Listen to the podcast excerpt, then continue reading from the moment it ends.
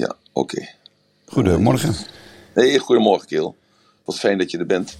Ik snap het helemaal niet, want ik, eh, ik had hem gemaakt al erom, een paar dagen geleden. Ja, Maar hij stond, hij stond helemaal niet onhold. Hij stond, hij stond helemaal niet op. ik eh, kon hem wel vinden hoor. Hij stond... Oh, goed zo. Ja. Oké, oké, dan, dan ligt het aan mij. ligt aan mij. Heel leuk onderwerp vandaag, rapport maken. Het nut van rapport. Ja, ik had, net, eh, ik had net Nancy even aan de telefoon. Die eh, zit in de, in de vliegmachine van Abu Dhabi naar Nederland. Ik zeg, je zit toch niet in de vliegmachine? Nee, dat snap ik ook niet. Je gaat, je gaat toch wel naar de F1? Toen zegt ze, wat is de F1? Oh, Ik zeg, wat is de F1, Nancy? Dat is de Formule, Formule 1. Max Verstappen gaat het redden. Als eerste, als eerste Nederlander gaat hij de Formule 1 gaat hij redden, gaat hij winnen. ja, het is Nou. een bijzondere dag vandaag. Wat had jij gedaan, Ron? Was jij nog een dagje langer gebleven of was je snel naar, naar mama en de kindertjes gegaan vandaag? Eh, moet ik daar echt over nadenken? 100% was ik gebleven. Een eerlijk antwoord. Ik, Nee, ja, 100% gebleven, absoluut. Ik was ook 100% gebleven. Het staat me, ik ben er helemaal verbaasd van. Er zijn, wel iets, er zijn ongeveer meer dan 10 vriendjes van mij en vriendinnetjes. Die zijn daar momenteel. En ik las vanochtend in de, in de eh, AD dat er ik weet niet hoeveel duizenden Nederlanders zijn. Ja. Ik, ongelooflijk. En ook weer tegelijkertijd, wat fantastisch voor die Max van zo'n klein landje. Dat er dus duizenden mensen ingevlogen zijn. Ja. Ongelooflijk. ja, maar ik denk dat je het kan vergelijken met eh, destijds Feyenoord. was de eerste Nederlandse ploeg die een Europese eh, beker kon halen. En toen zijn er ook heel veel mensen in een totaal andere tijd qua reizen. Eh, ik weet niet waar het toen was, ik dacht Italië. Maar Italië was het. Ik Ja, was daarbij. ja. Dat was in 1970. Toevallig eh, heb ik daar eh, de foto's van gekregen. Ah, wat leuk dat je dat vertelt. Ik heb daar de foto's. Ik was dat al lang weer vergeten natuurlijk. Ik heb daar de foto's van gekregen. Af, opnames hadden met, met de twee oude vriendjes. En um, Meulen en en die, toen kwam Berry aan met die foto's. Dat klopte. We zijn toen met een BMW zijn we daar samen met Elsjan Wipper.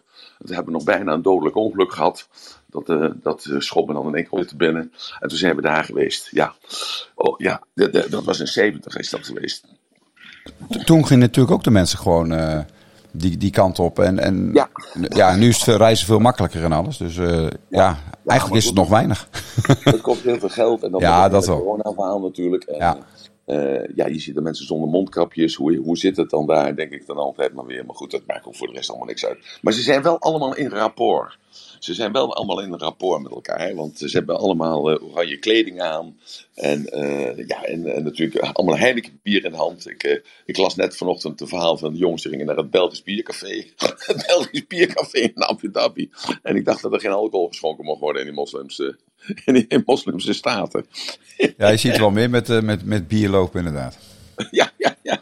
Fantastisch. Nou, dat is ook een manier om een rapport te maken. Hè? Rapport. Nou, daar gaan we het over hebben. Dus ehm, ik, ik, ik, ik vlieg het weer eens een keer van de andere kant in, eh, Ron. Eh eerst, uh, dank je wel dat jij eh, zo eventjes op het eh, moment gisteren dat, eh, dat Harald afbelde, dat jij gelijk naar voren toe kwam. Dank je wel. Helemaal attent. Ik, ik kan het wel. Heb je geen les vanochtend? Nee, zondag is altijd eh, vrij. En eh, ik zit dan meestal toch achter de knoppen. eh, Ja. Met opnemen. En dan ben ik ondertussen wel aan het werk voor, voor, voor online iets of wat dan ook. Ja, ja, ja. Leuk dat filmpje trouwens gisteren wat je me stuurde. Oh ja, ja, ja, ja, ja. ja. Dat is al even geleden ook weer. Maar, Nou ja, je babbelde anders goed, goed ervan los, zeg. ja, maar dat is heel grappig. Dat heet uh, Pekka Tjuka, als ik het goed heb. En dat was... Ja. Ja. iemand nodigde mij eruit, eh, vooruit. Dat is, eh, je hebt dan, ik meen, negen minuten. En dan moet je een behoorlijk wat slides. En iedere slide is dan een aantal seconden. En dan Ja. moet je een presentatie eh, houden. Dus dat, is, dat tempo zat er goed in. Ja, dat is waar ook. Ik, herken, ik herinner me daar iets van, ja, dat er zoiets was toen de tijd. Dus eh, ja, en, en, ja dat, onderwerp spreekt me enorm aan. En ja, ik had toen inderdaad Max ook eh, bij betrokken. Nou, dat was hij net, eh, net gestart met zijn Formule 1 carrière. Ja, Omdat ik, ik, ik ja, ik doe werd een dat beetje gelachen, werd een beetje gelachen. Nou ja, zo van, dat? eh, eh, zo van, oh ja, tuurlijk. Eh, omdat ik ja, zei dat hij, in mijn mening is hij heel sterk in het, eh, in het doen waar hij heel goed in is zonder te vechten met een ander. Dus, dus hij wil wel alles doen om te winnen. Maar Ja. eh, wat binnen zijn bereik ligt. Hij zei dat van de week ook zo mooi van, of vorig weekend was dat. eh, ja, met de auto, ja, dat is niet aan mij. Eh, dat is aan de monteurs. En, en, hè, dus, dus hij houdt het echt bij zichzelf en maakt er geen wedstrijd van uh, naar bijvoorbeeld een Lewis Hamilton. Uh, hij laat zich niet verleiden om in het gevecht te gaan. En daardoor is hij de beste coureur op dat moment voor, ja. die hij kan zijn. Ja, internal frame of reference. Hè? Dus dat bij jezelf te raden gaan. Wat kun jij zelf het beste doen? En datgene wat de ander doet, dat moet hij dan maar doen. Dat is zijn verantwoordelijkheid. Dat moet je loslaten. Ja. ja. Ja, heel mooi. Ron, maak jij eventjes de room klaar? Ja, is goed. Uh, is voor mij ook nieuw. Goedemorgen allemaal. uh, ja, mooie room vandaag. Uh, ja, bijzondere dag, zoals we al net een beetje aangehaald hadden natuurlijk. maar ja, de room. Het gaat over het nut van rapport maken. En ja, het wordt opgenomen. Er is een podcast die staat, nou ja, als ik achter de knoppen zit, dan zit die, staat hij binnen 20 minuten na de uitzending online. Dus dan kun je hem nog een keer luisteren. Maar je kan hem natuurlijk ook gelijk doorzenden naar iemand waarvan je denkt, hey, die kan dit uh, heel goed gebruiken. Kun je gewoon een linkje kopiëren en dan uh, doorsturen. Dus hij wordt opgenomen, maak je daar geen zorgen om. En uh, ja, als je mee wil praten over het nut van rapport maken, klik op de hand, rechts onderin. En dan, dan halen we je straks naar boven. Oké, ja. Nou, rapport is eigenlijk gelijkgezindheid eigenlijk. Ik, ik, ga een stukje geschiedenis vertellen. En, uh, en eigenlijk, uh, wat is een rapport nou eigenlijk? Nou, de ultimate rapport is bijvoorbeeld een moeder en haar baby. en een moeder en het kind. Die hebben gezamenlijke gedachten, gezamenlijke interesses. En op een zeker moment. Tjaka! Nou, Karel, wat is dat leuk? nou, Karel, zeg even waarom je Tjaka roept. Dan, dan maak je ons allemaal weer helemaal blij. En dan krijgen wij ook allemaal weer inspiratie om, uh, om jouw gedachten. Oh, nou, Karel, ja, Karel is nu weg. Oké. Okay, ja, hij zou weer naar beneden gegaan. Oh, heb jij hem weggestuurd? Nee, nee, nee, nee, nee. Ik had wel gemute, maar verder niet. Hij ging zelf okay, naar beneden. Goed. Nou, dus uh, dat is de gezamenlijk, een gezamenlijke interesse, een gezamenlijke gedachte. Dus dat is ultimate rapport eigenlijk. Hè? Dus de ultimate rapport is uh, bijvoorbeeld de moeder met een uh, baby. Dat is, dat is één dat die hebben de gelijke interesses, die hebben de gelijke wensen, de gelijke behoeftes. En die, die moeder voorziet daar in eerste instantie in. En langzaam maar zeker, uh, ja, dat, je krijgt een kindje om het los te laten. En op een gegeven moment dan uh, laat dat kind verlaat de moeder. He, verlaat de moeder niet, niet fysiek, maar verlaat de moeder ook met de gedachte, krijgt andere interesses. En, en zo zijn het dus ook bijvoorbeeld, ik herinner mij ja, een paar jaar geleden, tot een paar jaar geleden was dat zo. vandaag de dag zie ik dat niet meer. Dat motorrijders die zwaaien naar elkaar. Eh, misschien heeft je dat wel eens opgevallen. Motorrijders die zwaaien naar elkaar. En, en waarom zwaaien die naar elkaar? Ja, die hebben gemeenschappelijk een hobby. En dat is dat, dat ze motorrijden. Of bijvoorbeeld je loopt door het bos en je komt iemand tegen. Ja, in het bos kom je iemand tegen. Je komt niet maar elke keer iemand tegen. Nee, je komt in het bos, kom je iemand tegen. En wat doe je dan? Dan zeg je die persoon goeiedag.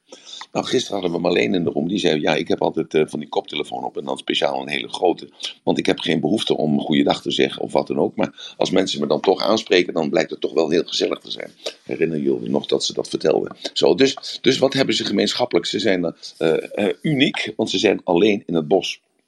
Eh, bijvoorbeeld ouders met babywagentjes, hè, of ouders die hun kinderen naar school toe brengen, eh, die zijn eigenlijk al in instant rapport. Want ze brengen hun kind gezamenlijk naar school, hè, dus ieder onafhankelijk, maar ze hebben de gelijke interesse. En ze praten over de leraar, of ze praten over de schoolreis, of ze praten over hun kind of over het andere kind. Zo, dus ze zijn in rapport. Gisteren kwam Emilio thuis en hij vertelde dat zijn vriendje, die had met de hand tussen de deur gezeten. Dat hij had, die jongen had en de deur dicht gedaan en was met de hand ertussen blijven zitten. Hij moest naar het ziekenhuis toe. Nou, dus ik, ik heb die ouders gebeld en gevraagd hoe het met de kleine ging. De kleine met de zoon van 12 ging. Nou, dus ik was in rapport, want ik had interesse. Uh, leden van uh, bepaalde auto's, weet je wel, die hebben uh, een bepaalde hobby. Die bijvoorbeeld ze houden van Ferrari of ze van Lamborghini. En komen met die dagen komen bij elkaar. Het kan ook een kever, zijn uit, uit 1970. En die hebben rapport. invaliden die in een rolstoel zitten. Wij hebben hier in Arnhem hebben we een dorp. Hè, dat is, misschien herinner je dat nog uit de jaren 60 van Mies Bouwman. Het is, dat dorp is hier gebouwd. Dus er zijn heel veel mensen in zo'n karretje zitten. En die rijden dan naar beneden toe naar de stad of in, daar in de buurt doen ze boodschappen. Nou, die komen elkaar tegen en die zijn in instant rapport. Waarom?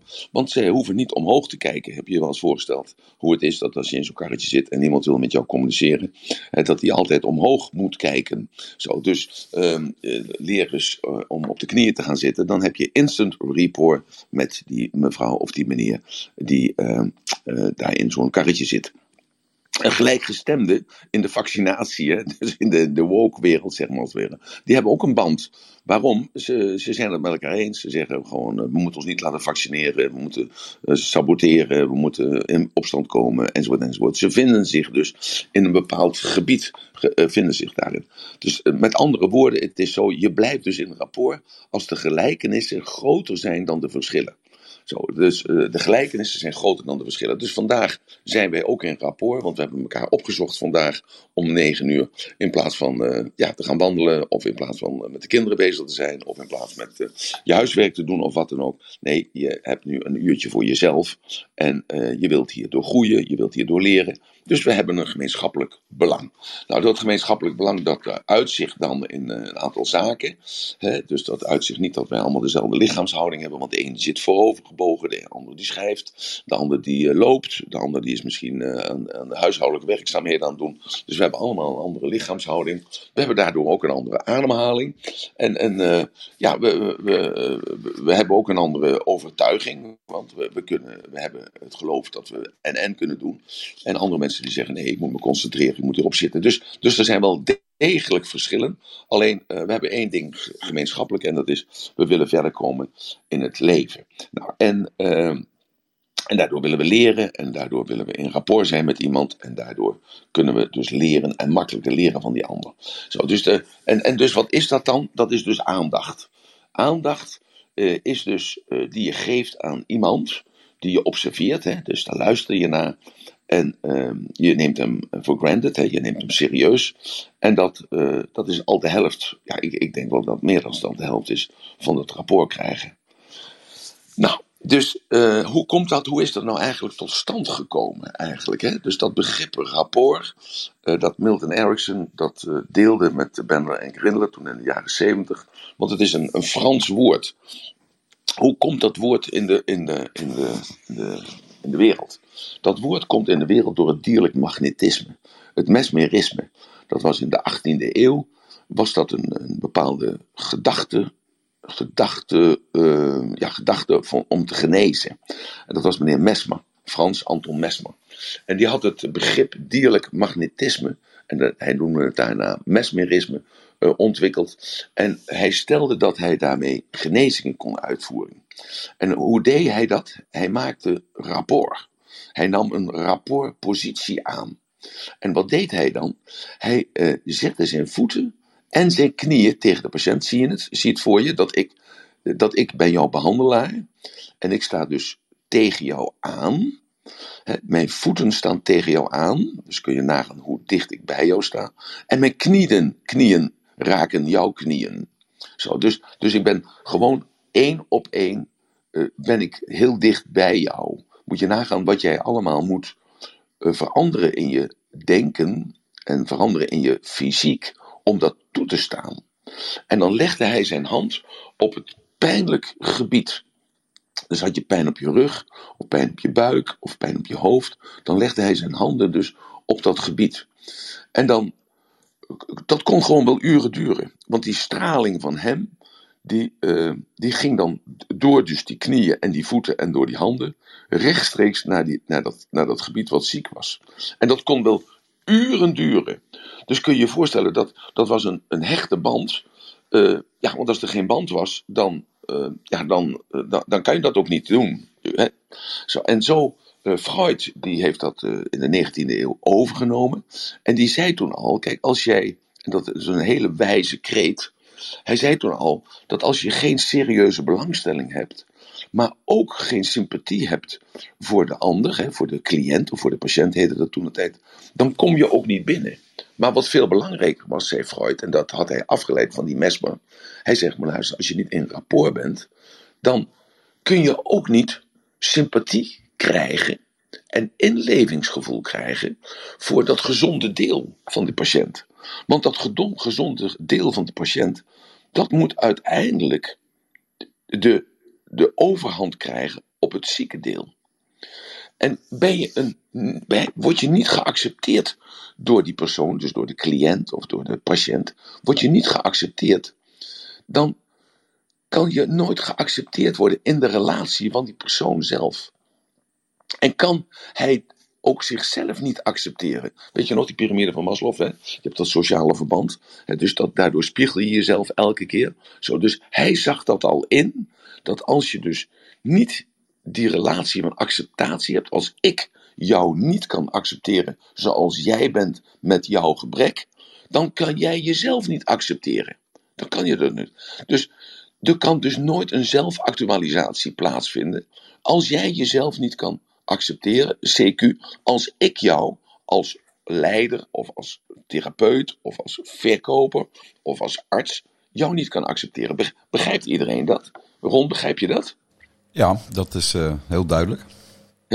Dus, en, en die Mesma had het dus, die, dat, je moet er niet aan denken dat vandaag de dag dat je dus bij een, een patiënt komt en dat je dus, uh, of dat je bij een arts komt en dat die arts zegt, nou kom eens even tegen me, tegen me aanstaan en, en die knieën en die voeten tegen me aan, uh, aanstaan en dan die, die dus dan ben je dus echt heel close in dat aura van die persoon.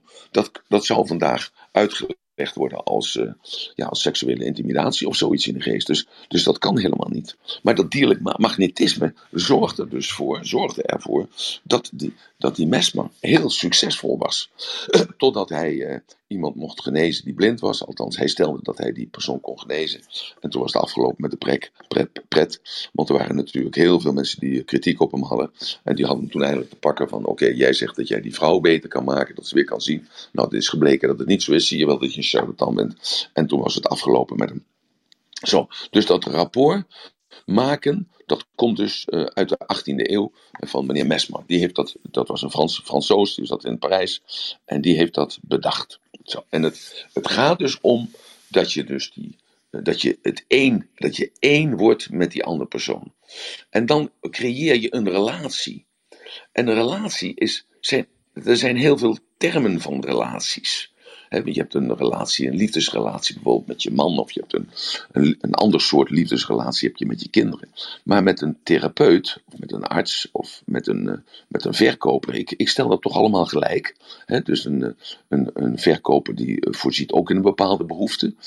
die is van plan om jou iets te adviseren. daarom is dat vandaag de dag geen verkoper meer, maar dan is dat een accountmanager. hij, hij adviseert jou eigenlijk als het ware, want jij weet wel wat je wilt.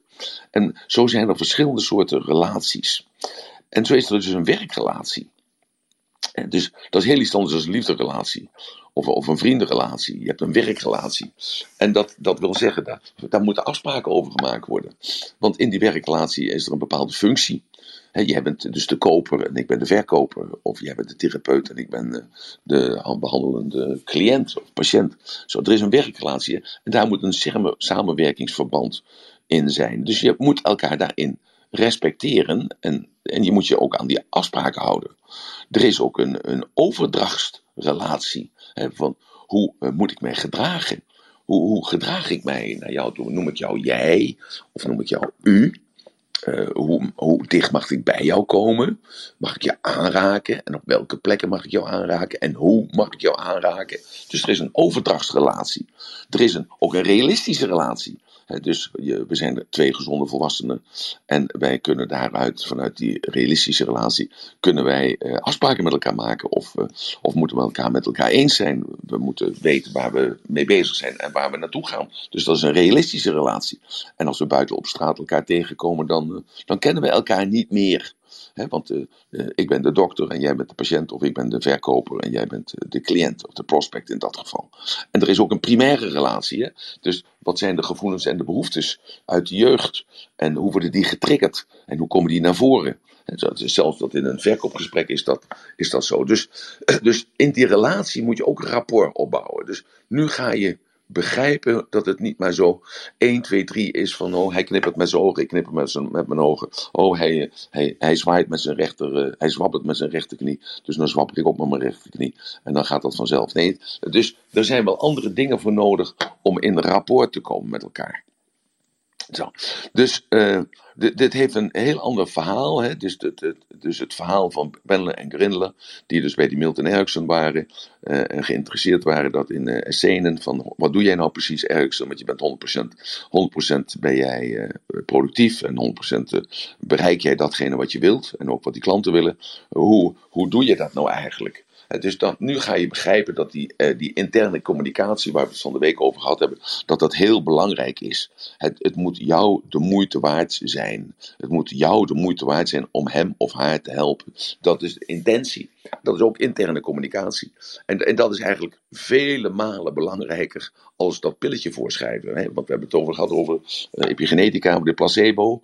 Hè? Met de placebo, het gaat niet om dat jij dat pilletje krijgt. Het gaat erom de manier waarop jou dat pilletje uh, ja, verkocht wordt, als het ware. Krijg je dat pilletje zo van, nou slik dat dan maar drie keer per dag, dan uh, gaat het vanzelf over. Of juist, het wordt uit een speciaal doosje gehaald. Het, het wordt met een speciale uh, beschrijving verteld, dat het specifiek voor jou is, specifiek voor, jou, voor jouw genezing uh, gecreëerd is, dat het heel veel gekost heeft. Nou, kortom, dus er moet een empathisch verhaal bij zijn. En dat is dus eigenlijk die fysiek, die fysiek van de brenger dat hij heel belangrijk is dat hij zichzelf ook gemotiveerd heeft en dat empathische gevoel heeft en één kan worden met jou zonder dat hij de angst heeft dat hij dat, dat, dat, dat probleem of die uitdaging die je hebt, dat hij dit overneemt. En dus daarom moet hij er ook bepaalde overtuigingen hebben. Dus we gaan een beetje los van dat spiegelen en dat volgen en dan dat leiden hè, om hem daar te brengen. Zo, dus het gaat veel meer om jouw ingesteldheid naar de ander toe, dus naar jezelf toe, om dat rapport te kunnen maken. Uh, Ron, is dit duidelijk? Ja, ik denk het wel. Ik uh, vraag me af, Emiel, als je, kan je ook een rapport maken? Uh, nou ja, bijvoorbeeld Formule 1 vanmiddag. Ja. De Ziggo die heeft altijd een prachtige intro met de uitzending. En dan ja. daar een bepaalde muziek bij. Op het moment dat je het muziekje hoort, ben je gelijk helemaal in die staat van wow, nu gaan we ja. beginnen. Is dat, is dat ook, valt dat ook onder rapport maken? Dat is een anker, hè? Dat is een positief of een negatief anker. Ja. Dus dat, dat moet je loslaten. Dus dat heb je gekoppeld aan. Dat is dus van buitenaf opgelegd, zeg maar. Dat was van Sikko was dat een, bepaald muziekje. Nou, daardoor ging je recht zitten. Nou, jongens, nou, nou allemaal de kop dicht houden, want het is nu even tijd voor papa. Ik ga maar, en zo. Dus dat, dat anker, dat verloedert, dat is weg. Dan moet een nieuw anker voor gemaakt worden. Dus dat is een associatie. Dus je zou kunnen zeggen, uh, op dat moment is er rapport. Zo, zo, zo zou je het uit kunnen leggen. Ja. Nee? ja. Dus, uh, dus, dus dat is een wezen uh, toch een beetje hetzelfde. Van nu zijn, de, nu zijn de gedachten op één ding gericht. En dat is uh, dus de wedstrijd. Maar dat, datzelfde heb je misschien wel als je nou, naar een kerk gaat of zo. Dan word je ook vanzelf stil. Maar hoe komt dat dan? Dat komt naar mijn gevoel omdat de kerk altijd heel hoog is en groot is. En daardoor ga je jezelf klein voelen. Want dat heb je niet alleen in kerken, maar dat heb je ook in hele grote gebouwen. Dat, ik, weet, ik herinner me nog dat ik een, een gebouw kwam in, uh, in New York, uh, jaren geleden. En dat was heel, heel, heel hoog. Dat was geloof wel tien verdiepingen hoog, die hal. Ja, toen ging mijn stem ook naar beneden. Dus ik, volgens mij is dat een, een soort uh, strategie om je klein te laten voelen. maar dat kan ik me niet voorstellen in, in die omgeving. Ik was bij, uh, in Detroit, bij Ford. Het uh, kan ook zijn dat je je klein moet voelen, waardoor je dan de koop sneller sluit. Of dat je dus de verkoper gaat geloven. Het is, autoriteit creëren. Ja, autoriteit, impressief. Dus hoe noem je dat? je wordt dan dus, um, hoe noem je dat nou? Je wordt dan dus als het ware klein gemaakt, klein gehouden. Zo, dus de, dan uh, ga je een beetje, uh, ga je dan in rapport of uit rapport? Ja, voor mij is het dan, ik ga dan uit rapport. Ik word dan beïndrukt, uh, hoe noem je dat, beïnvloed, hoe noem je dat nou? Geïmponeerd, geïmponeerd. Ik word dan geïmponeerd. En dan, door dat, door uh, imponeer, ik herinner me dat ik was bij de Bugatti-fabriek in de jaren 80 of 90 was dat. Uh, was helemaal niet van plan om een Bugatti te verkopen. Maar dus door alle hele mooie uh, zaken die mij voorgespiegeld werden, werd ik eigenlijk als het ware erin getrokken. Dus, de, dus dat was, was dat dan rapport of was dat dan een kwestie van, uh, ik werd geïmponeerd. Ik werd geïmponeerd door de kwaliteit en ik werd geïmponeerd door de, uh, door de, de kennis en ik werd geïmponeerd door de vakmanschap en ik werd geïmponeerd door... Zo, dus het waren allemaal positieve ankers bij mij, waardoor ik omdraaide, waarom die overtuiging van zo'n zo'n auto wil ik niet hebben, dat, dat ik uh, niet meer keek naar het uiterlijk, maar ik, ik ging letten op de, ehm, ja, op, op de kwaliteit. Zo, ik ging letten op de kwaliteit. En daarvoor had ik alleen auto's gekocht die ik mooi vond. eh, Die visueel aantrekkelijk waren. En het maakte niet uit wat voor merkje erop stond. eh, Als die maar een mooie lijn had. En dat waren dan altijd Italiaanse auto's. En eh Bugatti is een Franse auto. En eh, ja, die maakt Citroën en Peugeot. En eh, ja, je had, vroeger had je nog zo'n hele andere auto. Dat was, hoe heet dat ook alweer? Dat, was geen Skoda, dat leek er nog een beetje op. Scania, had je nog een andere auto. En dat waren Frankrijk, dat stond meer voor comfort. Dat was meer gevoel. En Italiaanse auto's, dat stond meer voor stijl. Niet, niet voor stijl, want dat waren eh, Engelse auto's, zoals Jaguar, Bentley, Rolls-Royce. Eh, maar eh, Italiaanse auto's stonden voor snelheid en stonden voor mooi design. En niet voor kwaliteit, want bijvoorbeeld de Fiat, die roest al in de volle. En de Alfa Romeo hetzelfde laken naar pak. Zo, dus dan, die kocht je zeer zeker niet voor de kwaliteit. En dat juist door die Bugatti, wat ik eerst dacht dat een Franse auto was, daarom zijn ze ook eh, eh, een specifieke kleur blauw werd ik geïmponeerd dat het anders was. Als, dus blij verrast. En daardoor heb ik toen zo'n ding gekocht. Zo, zo is dat dus gegaan. Dus een, een combinatie van, van ankers in jezelf. En waardoor je zelf die overtuiging veranderde. Dus ik, ik denk wel dat het wel een heel goed voorbeeld is. Wat je aanhaalt. maar het loopt natuurlijk altijd door elkaar heen. Want het zijn dus die gelijkenissen die, je jou dus maken. Maar die gelijkenissen hoeven dus niet eh, alleen maar eh, visueel te zijn. Dat, dat is een beetje, daarom maak ik er nu een beetje een langer verhaal van.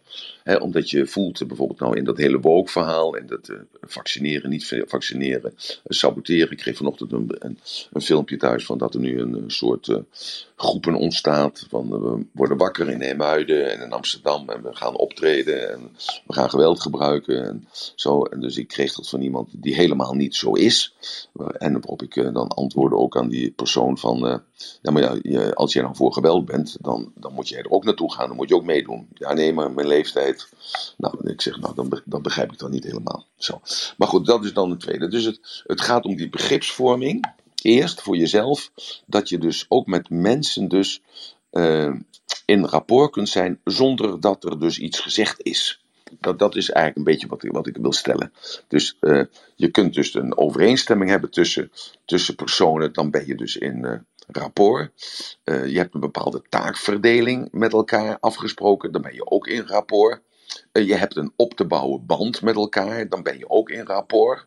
Dus je hebt een gemeenschappelijke interesse, dan heb je rapport. Dus dat mooi, dat voorbeeld wat je aanhaalt van Max. Hij blijft bij zichzelf. Hij is in rapport met de mechaniciens en met de ingenieurs en met de bandenleveranciers. Want hij weet dat zijn de besten van de besten. En eh, die hebben een, eh, een, een, een, een andere taakverdeling als ik. Alleen in mijn taak zitten zij ook en zij moeten daarvoor zorgen. Specifiek voor dat bepaalde onderwerp. Dus daardoor kan hij zich concentreren op zichzelf. En daarom is dat inzicht in die overdrachtsrelatie, of, en of werkrelatie, en of realistische relatie, en of primaire relatie, is belangrijk om dat te begrijpen dat dat te maken heeft met, eh, met overtuigingen en voornamelijk met interne communicatie. Dus bij jezelf. Jij moet dus bereid zijn om de prijs te betalen. En die prijs heb je meestal al betaald, omdat je diezelfde interesse hebt. En denk dan maar even terug aan die persoon eh, die, eh, die je tegenkomt. En waaruit blijkt dat hij eenzelfde petje op heeft als jij. En waaruit blijkt dat hij eh, ja, fan is van dezelfde auto als jij. En dan heb je instant rapport. Of denk even aan de moeder die je tegenkomt ergens met de baby. Of jullie zitten gezamenlijk bij het consultatiebureau. Dan heb je gewoon gezamenlijk een band eh, zonder dat je dus dat uitspreekt. Nou, dus het, eh, het rapport is dus eigenlijk een magisch gevoel. Want dat is het eigenlijk. Dus in één keer ben je één met de ander. Je hebt dus de gelijke interesses. En dat is dus aandacht. En als je die aandacht hebt voor die ander en die ander heeft aandacht voor jou, dan ben je dus ja, één geworden, als het ware. Zoals ik al vaker zeg, hè, van je relatie met een man of met een vrouw, een liefdesrelatie. Je hebt eh, aandacht voor elkaar en je wordt als het ware een derde, een derde persoonlijkheid. En zo, zo voelt dat dan ook. Je bent dan, op dat moment ben je jezelf even kwijt. Niet negatief bedoeld, maar je bent één met die andere persoon. Zo, dat, die, eh, en het rare daarbij is dat je dan ook gelijkertijd een soort van respect hebt voor die ander. Want die ander die kan eh, misschien anders gekleed gaan als jij. Die ander die kan misschien een, een andere gedachte hebben wat politiek betreft. Of qua smaak wat, uiterlijk vertoon heeft, of zelfs anders denken over vaccinatie. Dat maakt niet zoveel uit. Het, het grotere belang is nu op dit moment is met je kinderen daar zitten. En dat, heeft, dat overschaduwt alles, alles. Dus je hebt ook een soort respect op elkaar, met elkaar. En dan ontstaat er dus iets heel eigenaardigs. Dat je, en iedereen kan het dan toch wel, denk ik, eh, herkennen. Dan ga je je op elkaar afstemmen. dus uh, je gaat elkaar op je afstemmen. Dus, dus er moet aandacht zijn, er moet respect zijn. En dan ga je op elkaar afstemmen. En als je elkaar op gaat afstemmen, dan dat is een toestand van, van ontvankelijkheid. En uh, ontvankelijkheid. En in die ontvankelijkheid, dan blijkt in één keer dat er bepaalde zaken, suggesties, hè, die, die gewoon uh, zonder dat dat bewust gebeurt, dat die suggesties worden geaccepteerd. Je, je stapt dus over een aantal vooroordelen heen. Want je geeft die andere persoon, die geef je dus de aandacht. En jezelf open je je dus zelf. En uh, dat wil dus zeggen, hè, dus daar kun je dus uit leren, dat je bepaalde doelen. En wat die doelen ook mogen zijn, en dat mag dan uh, afhangen van die zeven zuilen uh, van de identiteit. Dat je dus dan dat rapport maken moet beheersen. Want waarom moet je dat rapport maken beheersen? Want namelijk, uh, ja, je doet toch altijd iemand na. En als jij uh, iemand niet na kunt doen, hè, dus je weigert om iets te leren van de ander, dan is je communicatie dus niet effectief. Dan blijkt ook je interne communicatie niet effectief te zijn. En loop je eigenlijk elke keer tegen dezelfde muur op. Dus daarom is rapport een basis van communicatie. En dus heeft dat te maken met een karaktertrek. Een karaktertrek met uh, aandacht geven aan iemand. Oprechte aandacht geven. Denk dus even aan die Mesmer. Die dus oprechte aandacht had voor zijn patiënt. Dat hij zelfs dus helemaal tegen die patiënt aan ging staan. Met zijn knieën en met zijn voeten. En dus die, en die hand op die plek legde waar, hij, uh, waar die persoon pijn had. Of waar die persoon ziek was. En dat uren volhield. Dus dan moet je echt heel veel aandacht en heel veel. Uh, dat, dan heb je het niet meer over opoffering. Dan moet je dus zo overtuigd zijn van je genezende kracht. En, en zo overtuigd zijn van die, die zelfrealisatie, de actualisatie, zelfactualisatie van de cliënt, van de patiënt, dat je dat daarvoor over hebt. Zo, dus dat, een stukje uh, afstemmen, respect en op, opofferen. Dus rapport is de basis van elke communicatie. Want wil jij dus iets leren, zul jij dus eerst in rapport moeten gaan met die leraar. Of met de gever van de kennis. Of met de persoon uh, die je eigenlijk niet kent, maar wel moet leren kennen. Wil jij dus een stap kunnen nemen in jouw ontwikkeling. Is dit, uh, is dit duidelijk, Ron? Ik denk het wel, hè? want zo leer je judo eigenlijk. Hè? Ja, is, ik voor mij is het in ieder geval heel duidelijk. Je hoort een klein beetje geruis op de achtergrond, omdat het regent hier aardig hard.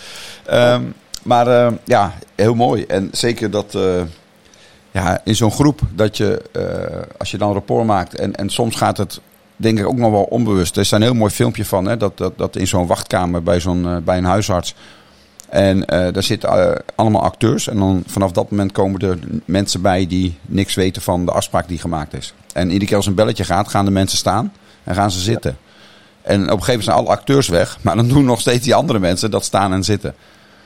Dus dan hebben dat, dat, is, dat, en, dat, is heel bijzonder natuurlijk. Dat we dan eigenlijk ook een soort rapport maken. Ja. En dat we gewoon meegaan met, met iets wat dan gaande is in zo'n groep. Ja. Net, die, met die apen, dat, die banaan die aan het plafond hangt. Er zitten... Wat is dat? Ja, je vertelt allemaal filmpjes die ik niet ken. er zitten 15 apen in een ruimte. En uh, dat is een grote ruimte met een. Uh, in het midden staat een grote trap. En daar hangt een banaan boven. En ja. Ja. Die 15 apen, nou, een van uh, die 15 apen gaat de trap op om, om die banaan te pakken. En dan gaan de, gaat de sprinklerinstallatie aan. Dus dan worden ze allemaal nat. Dus die, die aap wordt naar beneden getrokken. Ja. En tenminste op dat moment nog niet, maar dan wordt er al iets gecreëerd. En op een gegeven moment gaan er vijf apen uit en dan komen er vijf nieuwe bij. En een van die nieuwe apen, die denkt, hé, hey, een banaan. Dus die gaat omhoog en die wordt door die andere apen weer naar beneden getrokken, want die willen niet nat worden. En uiteindelijk zijn alle apen die origineel erin zaten bij de allereerste ja, moment, die zijn er allemaal uit. En er zitten alleen nog maar apen in die nog helemaal niet nat zijn geworden. En toch, ja. als er dan één die ladder op gaat, wordt, trekt iedereen hem weer naar beneden. Oh, dus dat is Dus- dus ze- dus. Dus ze weten niet wat, waarom ze iemand naar beneden trekken, maar dat deden we nou allemaal zo. Is dat, ook, dat is toch ook een soort rapport, dat je met z'n allen, eh, dus dat is de negatieve kant ervan. Nou nee, ik denk dat het positieve kant is toch. Nou ja, je trekt iemand naar beneden, maar je weet niet waarom. Een lerend vermogen. Ja. Maar je gaat elkaar nadoen. Ja, Ja. dat is ultimate rapport. Je weet niet eens waarom je het doet, maar je doet het dan toch. Maar zo werkt rapport maken natuurlijk. Want als je dat natuurlijk eh, bewust gaat doen. Alleen iedereen kent dat k- klusje nu al. Iedereen kent het nu al, want eh, er wordt nu over gesproken. Maar ik, eh, ik herinner mij in de jaren 80, 90 toen ik dat rapport liet zien. Dus met, bij verkopers. eh, dat ze elkaar na moesten doen. Toen zeiden ze, ja maar luister, maar die ander die merkt dat toch. Ik zei, nou dan gaan we dat nou even uitproberen. Er kwam er een juffrouw binnen bijvoorbeeld die eh, kwam koffie of thee brengen. En dan deed ik die juffrouw na. En iedereen zag dat ik die juffrouw nadeed, behalve die juffrouw zelf. En die juffrouw vond me een heel aardige vent. nou, dus eh, dat vroeg ik ook aan haar. Van, god, wat bent u een aardige mevrouw? En bla, bla, bla, bla. Toen zei ze, ja, maar ik vind u ook aardig. Dus, dus iedereen lag helemaal slap van het lachen in de zaal. En die, za- die zagen dus precies wat er gebeurde. Want ik, ik knipperde dus zelf met die ogen. Ik deed de ademhaling hetzelfde met die mevrouw. Ik deed hetzelfde pasje wat die mevrouw deed. Ik de- gebruikte mijn handen op dezelfde manier. Ondanks dat ik geen dienblad in mijn hand had. Dus iedereen zag dat. Maar zij zag dat niet. Zij voelde dat alleen. Want dat is natuurlijk eh, eh, rapport. Dat, dan, dan gebeuren er ook dingen. Hè? Dan, eh, dus, als je dus rapport hebt, dan, dan heeft hij en jij hebben een gevoel van warmte. Je, je krijgt een gevoel van thuiskomen. Je, je, voelt, je, je voelt je vertrouwd. Je voelt je zeker. Je, het, het is oké. Je, bent niet, je bent niet meer alleen. Dat, dat is het eigenlijk een kwestie. En eh, ja, dat, dat geeft een gevoel van binnen. Het is zelfs zo dat als je dus in dat rapport bent, dan verandert het gezicht van kleur. Je hebt heel veel mensen die hebben een. eh, ja, of iedereen heeft een bepaalde kleur. Moet je maar eens in de gaten houden. Dat, dat, die, dat die kleur die verandert. Waarom? Omdat de bloed begint te stromen. Die persoon die voelt zich eh, gekend en erkend en herkend. Dus dat is in, in iets van hij voelt zich thuiskomen. En, en eh, er gebeuren ook dingen zo van: hé, hey, maar ken jou toch ergens van? Nou, jij weet dat je die persoon nergens van kent, maar eh, jij speelt het spel. En, maar hij zegt van, eh, of zij zegt: ik, ik ken je toch ergens van? En dan, en dan vanuit dat volgen, dan kun je leiden. Zo, dus dat, dat, de, er zijn meetbare processen dat je kunt zien van: ik ben binnen. Dat, dat elke hypnotherapeut die in de zaal zit, er zijn er een paar, die weten dat. Die weten van, je moet eerst het spel spelen. eh, en dat kan ook zijn jezelf volgen. dus dat is eigenlijk een beetje wat ik, wat ik verkondig. Je moet jezelf zijn, je moet geen spel spelen. Je moet dat doen omdat je gewoon in communicatie wil komen met die, met die persoon. En eh, zodoende kan jij die persoon dus dan ehm, ja, iets verkopen. Want het is nog altijd zo. mensen houden van mensen die zo- zo- zoals ze zelf zijn. Kijk maar op straat. Dan zie je mensen die al heel lang bij elkaar zijn. Die heel stijf gearmd lopen. Ja, die hebben vaak eh, dezelfde houding. Hebben de, de- dezelfde interesses. Buiten dat ze hun kinderen zijn. Maar familieleden hebben ook dezelfde interesses. Stemmen op dezelfde politieke partij. eh, houden van dezelfde schoenen. eh, houden van hetzelfde eten. Ze zijn gewoon één geworden. Hè? En dat, dat zie je ook met de keuze van honden. De mensen die eh, bepaalde karaktertrekken hebben, die kiezen voor een bepaalde hond. Je hebt kleine blaffertjes en je hebt kleine, kleine van die omgebouwde ratten. Hè, dat, die, dat, die, ik, ik, kan die, ik kan die naam niet uitspreken. Eh, dat zijn van die. eh, eh, die ja, ik, kan de naam niet uitspreken. Die hele kleine hondjes die iets groter zijn dan een rat. En die gebruiken de, die vrouwen dan als, als kind of als object om van te houden. Zo, en dat is allemaal oké. Maar daarom houden ze van hem of van haar of van zo'n hondje. En eh, we sluiten ons liefst aan bij mensen die het, ongeveer hetzelfde model van de wereld hebben als wij. Dus dat, dat is ook, daar is niks verkeerds aan. Dat, dat voelt gewoon zeker. En het beste bewijs is dat als jij in, eh, in Valkenburg, nee, je komt in, eh in Torremolinos. Ja, de meeste mensen die zijn blij dat ze op vakantie gaan. Maar het eerste waar ze naartoe gaan is eh, naar Café Valkenburg. Want dan kunnen ze tenminste een lekkere Vebo-kroket eh, uit de muur rukken of een uitsmijter bestellen. En ze hebben daar ook nog, nog een keer diezelfde muziek bij van eh, Fransje Bouwen of van Marjan Weber. Zo, dus ehm, ja, en andere soort mensen die, die zijn daar wars van. Die, die gaan juist naar Torremolinos omdat ze wandelingen willen maken in de bergen van Andalusia. En die willen er gewoon helemaal niet hebben. Dus die, die zoeken een, andere, een, een ander iets, maar wat bij hen past. Dus daarom is dat, dat rapport bereiken, eh, dat, dat kun je creëren, maar dat begint dus bij jezelf. En dat is, dat het belangrijkste eigenlijk, dat je zelf dus die aandacht voor jezelf wil hebben, moet hebben. Want anders kun je dat niet. Je moet zelf respect voor jezelf hebben, omdat je weet van, ik heb respect voor die ander. Heb respect voor mezelf. Ik verlies mezelf niet. Hè, dus ik ga een bepaalde relatie opbouwen met die persoon. En, eh, en in, die, in die context van die persoon, ja, wat voor relatie is dat dan? Is dat dan een werkrelatie? Of is dat een, een, een, een, een, een realistische relatie? Of is dat een primaire relatie? Of is het een overdrachtsrelatie? Want ik ben zo direct weg. Je kunt je voorstellen, een conducteur die in de trein zit. Ja, wat voor relatie heb je daarmee? Nou, het enige wat hij moet doen is een, een kaartje knippen. Nou, je moet je voorstellen dat je conducteur bent op de lijn tussen Emmen en Ter Apel. Ik weet niet of jullie dat gevolgd hebben. Dat er heel veel geweld is tussen, uh, tussen vluchtelingen, immigranten, uh, allochtonen die daar zitten. En uh, ja, die willen zich niet aanpassen aan. Meestal zijn dat ook nog mensen die uit een, een, een veilige omgeving komen. Ze zijn gevlucht uh, om economische redenen, maken een stennis. Maar dan blijkt dus ook dat, uh, dat het altijd dezelfde conducteur is die problemen heeft. Hè? En een andere conducteur die heeft op de een of andere manier straalt die een bepaald gezag uit. En dan blijven ze met de vingers vanaf. Zo, dus dat dus, ja, en, die persoon die dus uh, dat kan doen, hè? dus die heeft heel duidelijk voor zichzelf van een werkrelatie. Maar luister jongens, Meestal zijn het jongens die dan problemen maken. We hebben een werkrelatie en we zijn hier om samen te werken. En ik ben hier om een kaartje te knippen. En uh, je weet de manier waarop hij kijkt, of de manier waarop hij uh, de tangetje vasthoudt, of de manier waarop hij het vraagt of zegt. Dat zorgt ervoor dat die andere persoon uh, dus uit rapport gaat, of juist in rapport gaat. Dus dat heeft te maken met de zender. En daarom hoor je mij vaak zeggen van, er zijn geen luie of slechte leerlingen. Er zijn alleen luie en slechte leraren. Omdat dat hangt van de bereidheid van de leraar. Hè, dus van de, de man die het voorbeeld moet geven. Uh, of de boodschap overkomt of niet overkomt. Dus dat hangt van de, de, de gever af. Hè, dus de, het voorbeeld af. En, dat is wel een uh, mooi, dat, mooi voorbeeld, Emiel, dit. Ja, van, die, nou ja, van die conducteur, hè? Zo van, uh, waarschijnlijk, uh, tenminste, ik kan me voorstellen dat, dat die persoon, die conducteur, dat die dan ook wel in de verbinding gaat met deze mensen. Hè? Ja, dus dus ze niet uh, behandelt als, als, als nou, schoren of wat dan ook. Ja. Want dan krijg je natuurlijk ook een hele andere reactie. En als je ze, nou ja, in dat filmpje van gisteren van mij, Emiel, hè, dat, dat stukje over dat ik de, de plaatselijke Patrick Swayze was, een jaartje dat ik, dat ik uh, was. Uh, ik heb nooit, nooit, er waren wel opstootjes, maar nooit, nooit um, verder. Ik kon altijd pratend oplossen met, met dat, op, in dat moment. omdat je dan verbinding maakt, omdat je dan, nou ja, rapport maakt en, en, en, en niet te boven gaat staan of wat dan ook. Ja. Ja, dus je laat je ander laat je in zijn waarde. En dat is dus een, iets wat je uitstraalt wat, wat die ander voelt. Hè? Want daarom is het zo belangrijk dat je dus realiseert van dus wanneer ben je in rapport. Dus, uh, dus dat je dat dus kunt zien. Dat je kunt zien dat, je dus, uh, dat het lukt, zeg maar. En dat had je vroeger op school, had je dat ook. Ik herinner me nog, je had uh, Pietje. Pietje was een wiskundeleraar.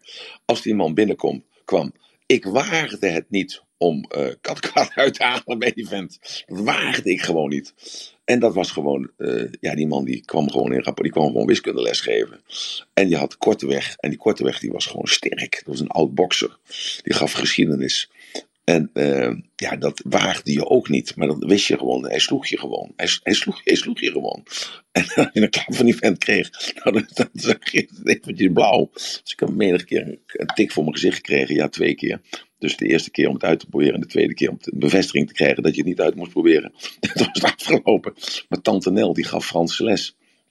Dat was een hele lieve, zachtere vrouw. En daar had je natuurlijk wel respect voor. Maar ja, die had een heel groot decolleté. en, en die had hele grote borsten. En uh, ja, ik begreep het niet allemaal. En ik, uh, ik begreep het Frans niet. En ik, uh, ik, als ik het opgeschreven had, dan wist ik ook niet of ik het goed opgeschreven had. En ik vroeg elke keer aan Tante Nel, kunt u even komen kijken of ik het goed opgeschreven heb? Nou, die kwam dan kijken of het goed opgeschreven Dus ik nam er elke, elke keer een herhaling. Maar dat, dat, zij liet dat ook toe. Op de een of andere manier. Want dat kwam dus door het grote decolleté. Nou, jullie zien het je voor je. Ik als qua jongen zijn hoe ik dat deed. Zo, dus, Grote dus, ogen en uh, niet, niet kijken naar het schrift.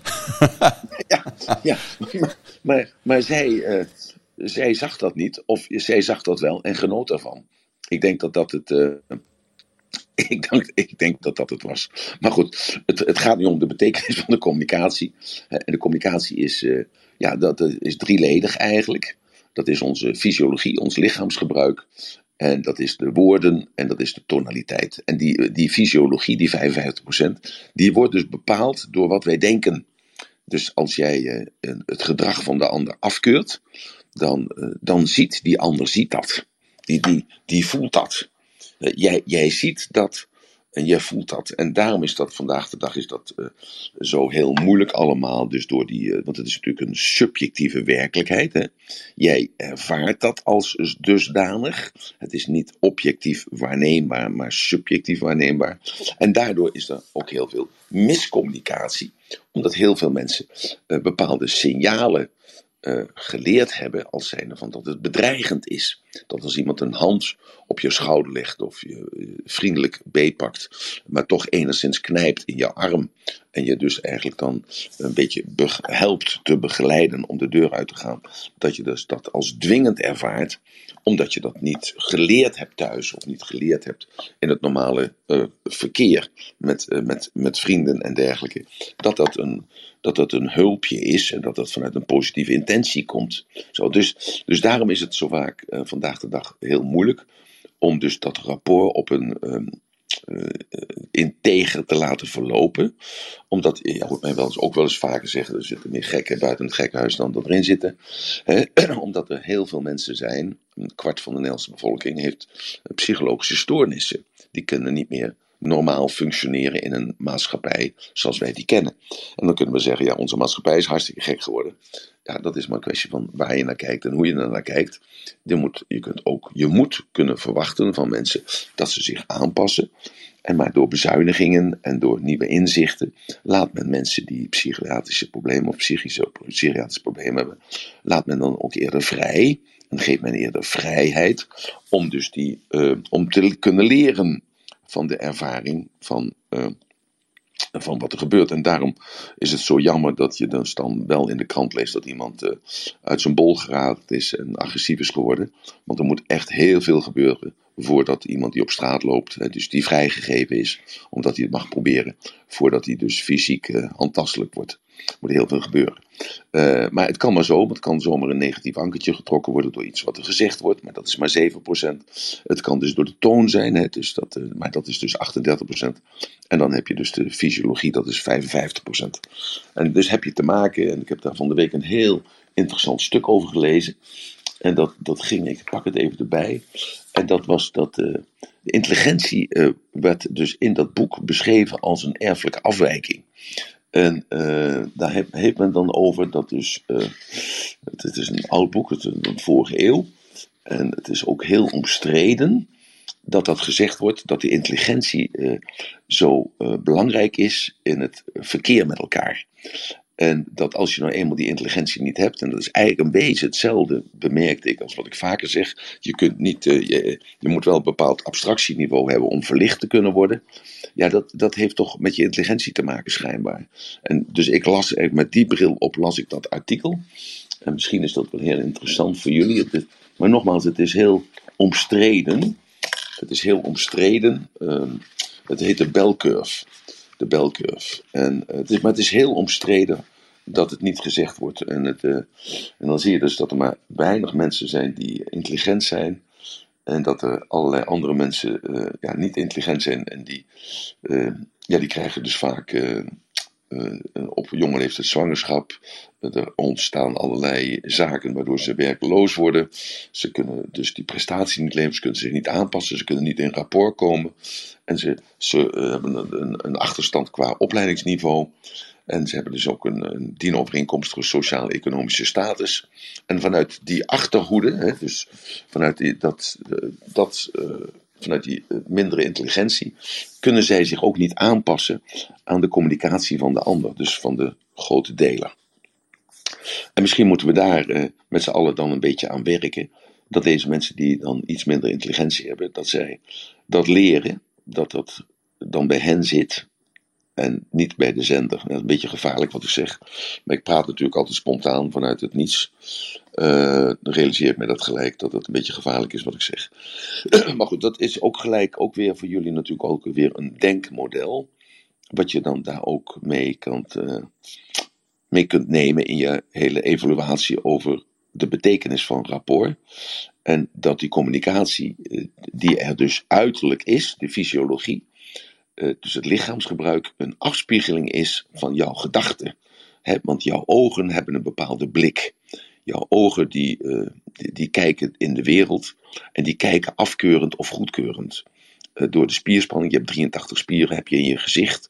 Uh, dus in die spanning laat je onbewust zien, want die kun je niet sturen. Die kun je niet sturen. dan laat je onbewust zien dat je bang bent. Of dat je op hen neerkijkt. Of dat je wanhopig bent. Of dat je je verlaten voelt. Eh, dat je niet het empathische gevoel hebt om je één te kunnen zijn met die persoon. En daarom is die, denk ik, die conducteur die daar door, door die trein loopt eh, tussen Emmen en uh, Ter Apel, of tussen Ter Apel en, en, en Emmen, dat het helemaal niets te maken heeft met die, die teaser die ze nu krijgen, of die handboeien die ze mogen dragen, of de, of de knuppel die ze straks krijgen. Want het heeft er niets mee te maken, want de man of de vrouw die, die als, als vluchteling daar zit, die zit in een hele andere een hele andere rol daar. die wil zich ontspannen. En dat kan best een, robbertje vechter zijn. Of die wil gewoon de qua jongen zijn. Uh, want hij, uh, hij leert nu dat, dat in Marokko bijvoorbeeld zie je op elke hoek van de straat een politieagent staan met een grote knuppel en die slaat er gelijk op los. dat hij dus nu gewoon zichzelf kan, kan, beter kan leren, want hij kan zijn gedrag kan hij gewoon anders doen als dat hij ooit gedaan heeft, zonder dat hij fysiek afgestraft wordt. Zo, dus, dus een heel ander rollenpatroon. Hè? Dus, dus die werkrelatie moet eerst duidelijk zijn. En, ja, en dan komt er natuurlijk het taalgebruik nog bij. Dat je iemand die uit uh, Berbeland komt, ja, die, die kun je natuurlijk niet verstaan als je, uit, als je in Ter Apel opgegroeid bent. Zo, dus, dus dan heb je alleen maar non-verbale communicatie. Zo, dus dus het, het gaat erom dat je die non-verbale communicatie, dat je daar, dat is die 55%, dat die vele malen belangrijker is als die woorden. Dat heb ik al een aantal keren gezegd. En dus door die, dus door die overtuiging van jezelf, hè, dus, dat, daar imponeer je dus, of juist, uh, ja, niet imponeren, maar juist precies tegenovergestelde van imponeren. Dus stel je jezelf juist kwetsbaar op, waardoor die ander daar misbruik van maakt of gebruik van maakt. En dus daarom is het belangrijk dat je die gedachten, dus die, die state management, dat je dat goed voor elkaar hebt.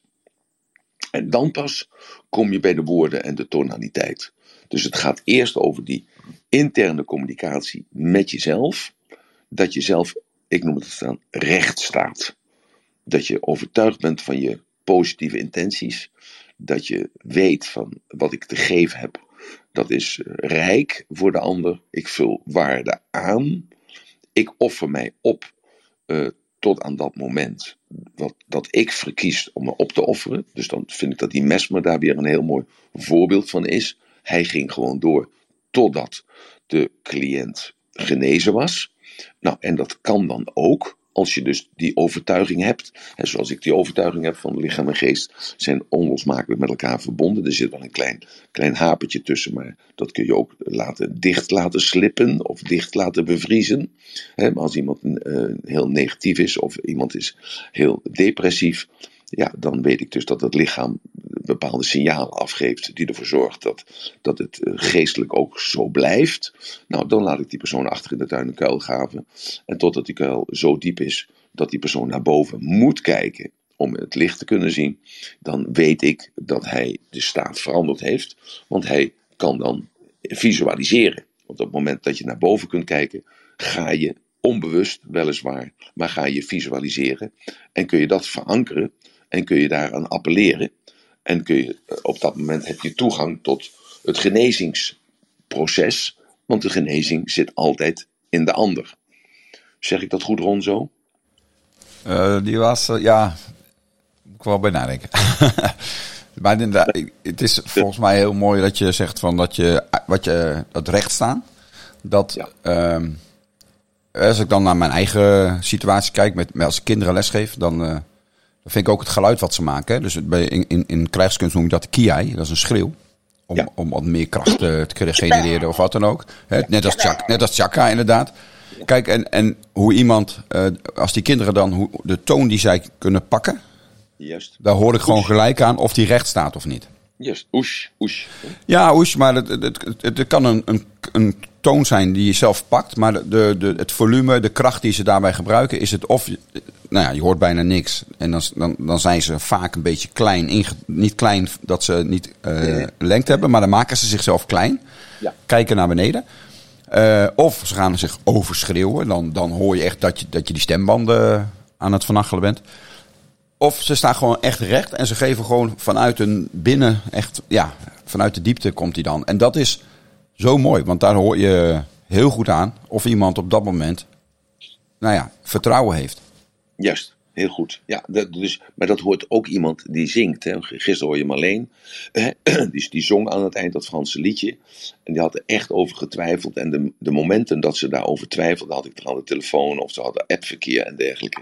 En toen zei ik, ik zei, je moet gewoon bij jezelf blijven, je bent bij jezelf. Dus eigenlijk, dat was ook mijn insteek van, van mijzelf gisteren. Om dus haar en zoveel waarde te geven en zoveel uh, tijd en aandacht haar te geven, zodat ze in haar kracht kon komen. En misschien als jullie de band nog een keer terugluisteren van gisteren, dan hoor je ook dat ze in het begin kuchte en, en, en aarzelde en, treuzelde met haar woordkeus. En dat dat steeds beter ging. En ze kwam ook steeds meer in haar kracht. Zodat ze dus zelf die beslissing kon nemen van oké, ik ga nu dat liedje zingen. Want we hadden afgesproken eigenlijk dat als ze, niet, als ze dat zou gaan vergeten, dan zou ik dat aan haar aan, daaraan herinneren. Nou, dus dat had ik opgeschreven als laatste. Van, hè, als ze dat niet uh, zou doen uit zichzelf, dan uh, zou ik haar helpen herinneren. En dan zou ze zelf zeggen van ik ben er klaar voor, ik ben er niet klaar voor. Dus dat was gisteren eigenlijk het spel wat ik dan gespeeld heb met haar. Waardoor ze dus dan als beloning, als kers op de, op de slagomkeek, uh, daar dat liedje kon zingen. Zo, dus dus ik, ik wil alleen maar nu uh, daarom dat heel simpel houden, nu eigenlijk allemaal. En dus, die, uh, dus dit rapport bij jouzelf neerleggen.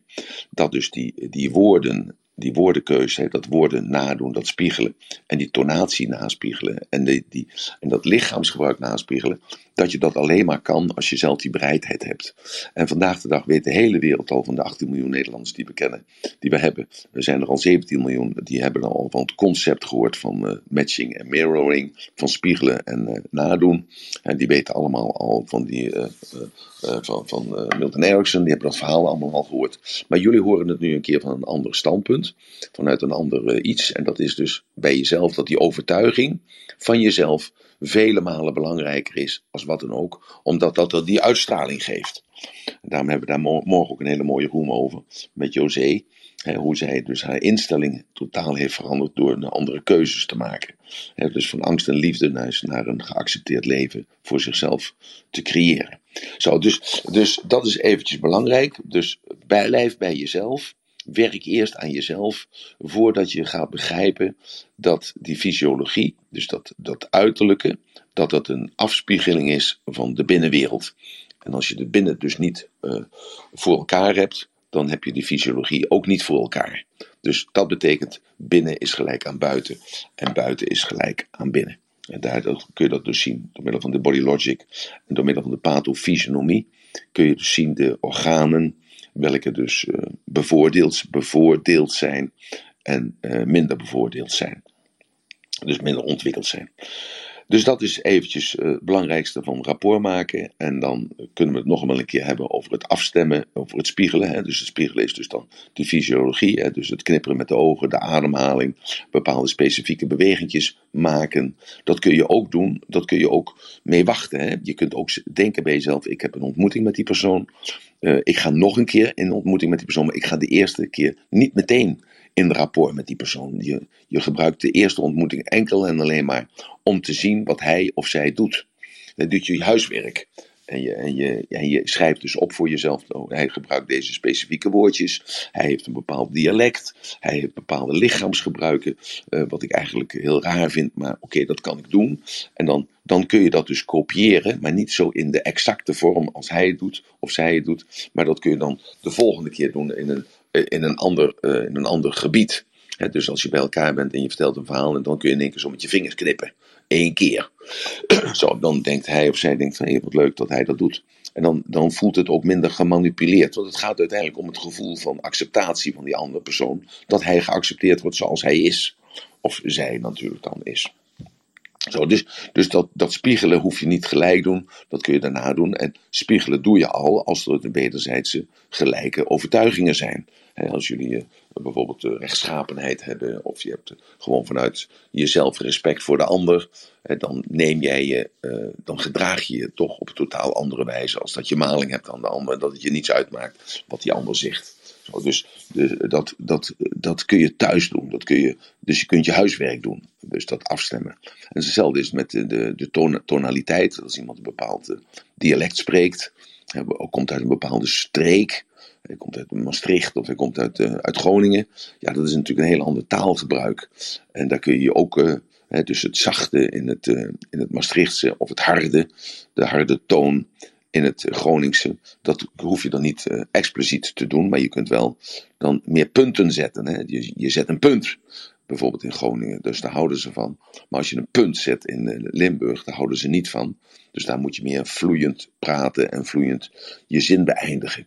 Zo, dus dan, uh, dus, en je kunt ook zeggen dat, uh, ja, ik weiger dat. Ik, ik, ik stem mij niet af op die ander. Ja, dan, dat is mismatchen, zoals we dat noemen. En dan richt jij je dus ook alleen maar op dat moment op datgene wat je niet bevalt. En eigenlijk op al datgene wat je afkeurt.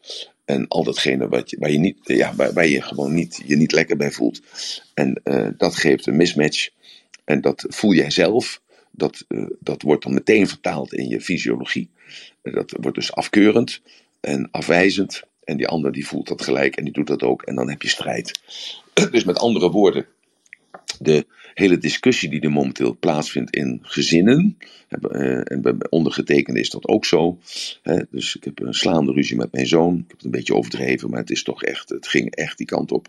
Totdat ik bij mezelf dacht van, hé, hey, ratelband, je moet toch eventjes uh, de leiding nemen in deze. En uh, je moet dus niet maar proberen met, uh, met knipperende ogen of ademhaling of dat daaraan te werken. Nee, ik heb aan mezelf gewerkt, aan mijn overtuiging en aan mijn intenties. En daardoor toch mijn uh, lichaamshouding veranderd en mijn toon. En daardoor heb ik hem uh, kunnen bellen, mijn zoon. en ben ik op een andere manier uh, ben ik erin gegaan. En toen bleek dus dat hij rustiger werd. en hij bleek wel dezelfde argumenten te hebben als dat hij had, maar het raakte mij minder. En we konden een normaal gesprek hebben. En uiteindelijk vond ik een gelijk, gelijkenis in hem. En dat was in het, het het ziektepatroon van een, uh, van een accountant van ons beiden. En uh, kon ik daar een gelijkenis in krijgen, in een gelijkenisbelang. Want hij heeft een TIA gehad, waardoor uh, onze spullen in de computer zitten. En die kunnen er niet meer uit. Dus onze boekhouding zit in de computer en komt er niet meer uit. En daar kon ik hem mee leiden. Totdat ik hem nu morgen, of overmorgen maandag, na de opnames, dat ik hem ontmoet. Want we hebben nu een gemeenschappelijk belang. En dat is dus uh, die computerkraken, waar dus uh, uh, onze administratie in zit. Waarop ik dus aan hem voorstelde als, als twee qua jongens van oké, ik hou hem dan in gesprek en jij pakt dan die computer en jij neemt die computer mee en je loopt ermee naar buiten, want hij is nu ook dement. Dus hij weet niet meer wat er gezegd is en wat er gedaan is. En toen zei mijn zoon zei van ja, maar dat durf ik niet, dan hou ik hem wel. Aan, aan de band en ik praat wel met hem. En dan pak jij maar de band, de computer, en dan loop jij er maar mee weg. Zo, dus we hebben weer een gezamenlijk doel, wat uh, overstijgt dus het verschil, maar creëert dus gelijkenis. Ik hoop dat ik uh, aan jullie opdracht heb voldaan om te praten over het nut van rapport. Dat het nut van rapport dus is om in communicatie te zijn en te blijven. Uh, en door dat verhaal wat ik je net vertel, waar ik mee beëindigd ben, heb ik eigenlijk dit verhaal ook opgebouwd. en uh, omdat mijn zoon natuurlijk uh, jaren mee geweest is naar de seminars, hij moest het vuur maken, het glas breken. En hij deed het licht en het geluid. Dus hij kent het verhaal van spiegelen, hij kent het verhaal van rapport maken door en door. Dus hij laat zich niet voor de gek houden. Maar ik heb me dus dan toch zover kunnen krijgen dat we nu een gemeenschappelijk belang hebben. En we zijn weer één geworden daarin. En we gaan dat maandag gaan we dat realiseren. Dank jullie wel voor jullie tijd, aandacht en energie. Zeer zeker voor deze kostbare zondagmorgen. Dank jullie wel dat we het samen gemaakt hebben. Ron, ook jij nog heel hartelijk dank dat je dus naar boven bent gekomen. Zodat je me even kon helpen met toch wel dit uh, moeilijke onderwerp rapport maken. En had je nog een vraag, of is er nog iemand uit het publiek die nog een vraag heeft? Nou, ik heb nog wel een vraagje. Ja. Ehm, van eh, de neuroceptie, hè, de, dat zo noemt, eh, ik kan hem nooit zo goed uitspreken, maar Steven Pur- Purges, als ik het goed heb, van de polyfagaaltheorie. Hè, dat gaat over je autonome zenuwstelsel. En Ja. dan eigenlijk die scanner die continu scant of er, of er gevaar is. Hè, dus fight, flight, freeze, wat daar achteraan komt. Die, die scanner heeft natuurlijk ook heel veel te maken met het rapport. Dus als jij, wat je net zegt, als jij niet recht staat, hè, als je niet eh, echt, dus niet fake it until you make it, maar gewoon eh, probeert zoveel mogelijk echt te zijn, dat heeft denk ik wel hele grote invloed. Eh, Dus als jij niet echt bent en je probeert heel erg te zoeken naar rapport, dan, dan zal die persoon onbewust al, een, al, al op scherp staan, want het klopt niet. Wat, wat die scanner die ziet dat, die heeft dat door. Nou, dat is niet helemaal waar. Kijk, je praat over het reptiele brein. en dat reptiele brein kan, kan alleen maar drie dingen doen. Dat is aanvallen, vluchten of bevriezen. Ja, En eh, dat, die neemt dus die zintuigen waar. Maar het gaat natuurlijk om dat eerste, die filter. Hè. De filter die er altijd nog is. En dat is de gemoedstoestand. En die gemoedstoestand, eh, ja, jij wilt gewoon. Kijk, ik ga ervan uit dat iedereen zich lekker wil voelen. En iedereen heeft daar een, een andere methodiek voor. De een die moet met een zweep slaan en die voelt zich daar lekker door. En de ander die moet eh, iemand kussen, die voelt zich daar lekker door. Dus iedereen en al het hele scala wat ertussen zit. En het gaat dus om bepaalde herkenningspunten. Maar het gaat natuurlijk niet alleen om dat rapport. Het gaat ook om je huiswerk goed gedaan te hebben met jezelf. En je moet ook weten van wat wil ik. En dus op het moment supreme dat jij precies weet wat jij wilt. Dus dat is het voorbeeld van mijn zoon en mij. En op een gegeven moment heb ik mezelf tot de orde geroepen. En ik dacht bij mezelf, ja, ik wil niet zo met mijn zoon omgaan. En hij wil dat eigenlijk ook niet, hoewel hij dat wel deed. En dus toen dacht ik van, ik moet dat doorbreken. Ik moet een patroonsinterruptie hebben. Nou, en als op het moment als je dus dat gaat denken, dan ben je al uit de ban. Dan ben je dus al uit de, eh, uit de, uit de betovering. Want dan ga je met jezelf aan de slag. Dan, en daarom bestaan geen luien of, eh, eh, bestaan geen luien of, of ondeskundige leerlingen. Er bestaan alleen maar luien of ondeskundige leraren. Dus het ligt altijd bij jezelf. En daarom is dat voorbeeld waar jij mee begon met Max Verstappen. Is, is gewoon ja, het mooiste wat er is. Want hij kijkt alleen maar naar zichzelf toe en blij bij zichzelf. Want dat is het enige wat hij kan. Hij kan alleen maar zorgen dat het stuur recht houdt en dat gaspedaal ingedrukt wordt. En daarop reageren. En vertrouwt op dat de remmen goed zijn. En vertrouwt erop dat, uit, dat alles uit die motor is gehaald. En dat hij de juiste heeft die erop gemonteerd is. Want eh, daar is iemand anders voor aangenomen. Zo, dus dus, dus eh, met andere woorden, jij bepaalt voor jezelf hoe dat signaal naar buiten komt als jij jezelf tot de orde geroepen hebt, dan ben je baas over dat reptiele brein. En als jij jezelf tot de orde hebt geroepen, dan adem je anders, want dan weet je wel, ik, I'm in charge. En als jij jezelf tot de orde geroepen hebt, dan weet jij van jezelf van, eh, ik ben niet alleen in charge, maar ik voel me ook lekker, want het gaat weer crescendo, het gaat weer bergop. En die ander die pakt dat op. En of die, die scan, hè, dat is ook weer een metafoor natuurlijk. Hè, die, die scan, als die dat dan scant, die, die neemt alleen maar datgene waar wat hij waar kan nemen. En als dat uiterlijk gewoon anders is, dus die ademhaling is vierder en rechtopper, je, bent, je spierspanning is, ik ben er klaar voor. Nou, het, het is hetzelfde als van dat jij praat over een wedstrijd of je gaat de wedstrijd in, Ron. Dat is duidelijk twee verschillen. Hè? En het benadert elkaar wel, want je, terwijl je aan het praten bent hoe die wedstrijd was. En eh, hoe je erover spreekt, zorgt ervoor dat je bepaalde bewegingen maakt, onbewust. En zorgt ervoor dat je bepaalde spierspanningen hebt. Maar het is toch anders als dat je in de dojo staat. En er komt een kerel op je af van 2,50 meter met de, de, vierde, met de vierde dam. Dat is een ander verhaal als dat je het in je, je- als dat je, je voorstelt. En degene die het zich het best voor kan stellen, en daar moet hij dus aan gewerkt hebben, ja, dat is de winnaar. Want die kan dus namelijk, dus die vierde dan en die 40 kilo meer, kan die overtreffen. Enkel en alleen al door zijn blik in de ogen. En om de, de spierspanning te laten zien van luister, maar mij krijg je niet klein. Dus, dus, dus dat is naar mijn gevoel een beetje datgene wat jij zegt. Maar jij bepaalt dat, wat die scan opvangt. Ja, maar dat, dat, dat is precies wat ik bedoelde, Emiel. Oké, Dus, dus, dus, dus de ontvanger, hè, dus je hebt Ja. de, de zender die moet recht staan. ja.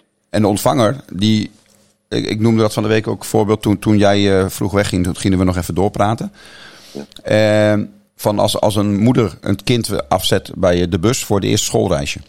Dan zegt moeder zegt van alles, hè, van eh, veel, fijne dag, noem maar op. Maar ze gaat kapot van binnen, want ze gaat voor het eerst haar dochter of zoon, eh, of de vader kan ook natuurlijk, eh, voor het eerst meegeven en, en een hele dag hoe- naar zo'n pretpark. En zo'n kind voelt, weet niet waarom, maar de- die voelt daar niets, het klopt niet. Maar die hoort moeders of papa zeggen, eh, fijne dag. Maar, maar ergens klopt er iets niet. Dat, dat is wat ik bedoel. Ja, ja, ja, ja, ja. Ja, het is maar net uh, de instelling van het kind is natuurlijk. Want ik herinner me nog dat dat gebeurde. En ik was blij dat ik van de gezever af was. Dus, Zo, ja. hè? Zo van, nou, nou die de deur dicht en uh, ga ik een leuke dag maken. Ja. ja nee, nee zeker, zeker. Dus dat is het, het, verhaal van die jongens die dus in die trein zitten. Van Emmen naar, uh, naar de Apel. En dus hoe stapt dus die, die conducteur naar binnen? Hè? Dus uh, kijk, en dan krijg je natuurlijk de situatie van, uh, natuurlijk is er een bepaald beeld van vrouwen, van die jongens. Hè? Die zijn opgegroeid in een islamitische samenleving. Dus zij voelen zich als jongens superieur. Ja, en in onze gedachten is een man en een vrouw zijn gelijk. Dus als daar een vrouwelijke conducteur staat, ja, dan gebeuren er andere zaken als dat er een mannelijke conducteur staat. Dus dat is de fysiologie die dat al verraadt, maar dat heeft ook te maken met de regels van die ander die dat beleeft. Zo, en als je, ja, je dat dus niet, uh, als je dat dan ziet als discriminatie, ja, dan heb je, dan, uh, dan heb je natuurlijk daarboven in je, in je, in je kamer is er iets niet uh, voor elkaar. Want dat zijn gewoon de regels van de ontvanger. Dus daar moet je dan als zender op aanpassen. En als ik dan chef zou zijn van, het, van de conducteur, conducteurslijn van de, van de trein, dan zou ik zeggen, er mogen alleen maar mannen komen. Ja, en vrouwen voelen zich dan tekort gedaan. En dan zou ik dan dat uitleggen. En als ze zich dan gediscrimineerd voelen, ja, dan zou ik zeggen, oké, goed, dan, uh, dan moet je het maar ervaren. Maar dan wel een man erbij die dan garant staat voor jouw fysieke gezondheid. Zo, dus, dus dan krijg je een, een beetje een botsing van culturen. Dus het, heeft, het is natuurlijk niet zo heel eenvoudig om het te duiden. Maar het is een, een mengeling van een aantal zaken. Maar het, de boodschap van vandaag is, en ik hoop dat dat doorgekomen is, dat het aan jou ligt. Dus jij wilt communiceren en jij moet je veranderen. En jij moet die overtuiging pakken. En jij moet die werkelijkheid sturen, zodat die illusie van de ander is van, ach, hij is toch wel aardig. Hij wil toch wel alles opofferen om mij mijn zin te geven. Misschien is dat wel een klein kind, maar dat maakt niet uit. Maar ik, uh, ik, uh, ik ben bereid om dat te doen. Dat, dat was de boodschap van vandaag. Dus ik ben niet ingegaan op de, de praktische, uh, uh, praktische invulling van hoe, hoe, adem je nou sneller en hoe, uh, hoe, maak je die woorden nou beter. En, dus ik ben, ben niet op die 7% ingegaan. Ik ben dus eigenlijk bedekt op die 55% lichaamshouding ingegaan. Ja, dat is volgens mij duidelijk overgekomen. Het is wel naar mij. En ik zie geen reacties, dus geen vragen. Mocht die ja. er nog zijn, dan kun je ze altijd mailen ook natuurlijk. Oké. Nou, als er geen vragen zijn, dan uh, nogmaals iedereen bedankt. Ron, jij zeer zeker bedankt in de, dat je de leiding hebt gehouden en de leiding hebt genomen. En uh, de verduidelijking hebt uh, nog een keer hebt benadrukt door een aantal vragen te stellen, waardoor ik er iets dieper in moest gaan. Want voor mij is het dan helemaal duidelijk. En dan denk ik, ja, hoe, waarom moet ik daar nou zoveel woorden aan vuil maken? Maar dat is gewoon noodzakelijk. Dank jullie wel voor jullie aandacht. Ik hoop dat jullie er wat aan gehad hebben. Ik spreek die, die wens uit, natuurlijk. En dan is het pratenbandje van morgen is, um, nou datgene wat ik nu verteld heb vandaag. Denk daar nou eens even over na. En met wie zou jij nou in rapport willen gaan? En uh, dus he, ik heb dus dat uh, dus heel uh, in vertrouwen genomen, dus met mijn zoon, dat het echt al een paar maanden al knetterend ruzie is. En dat ik dus door dat moment dat ik genomen heb van en nu ben ik het zat, het ligt bij mij, uh, niet, heeft niks met hem te maken. Hij gelooft dat, dus laat hem dan in die waan. Ik hoef hem niet te verbeteren, ik hoef hem niet te veranderen. Ik kan alleen mezelf me veranderen. Uh, wil ik dit? Nee, dit wil ik niet. Wil ik een volwassen relatie met mijn zoon? Ja, ik wil een volwassen relatie met mijn zoon. Oké, pa, geef jij dan het voorbeeld. Wat moet ik dan doen? Oké, pa, dan verander ik mijn overtuiging. En zo heb ik dat gemeenschappelijke belang gecreëerd. Hè? Dus uh, via de boekhouder, want die heeft dus gelukkig een tiaatje gekregen. En ja, sorry dat ik dat even zo zeg. Die heeft gelukkig een tiaatje gekregen. Gelukkig heeft hij de boekhouding uh, van hem en van mij in dezelfde computer zitten. Dus we hebben gemeenschappelijk belang. En dat gemeenschappelijk belang, dat overstijgt dus het, de gemeenschappelijke verschillen. Dus kijk bij jezelf, ga bij jezelf te raden.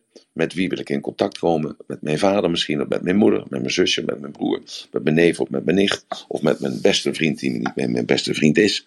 Wat kan ik nu daarvoor bedenken op dit moment, waardoor ik dan wel in rapport kan komen?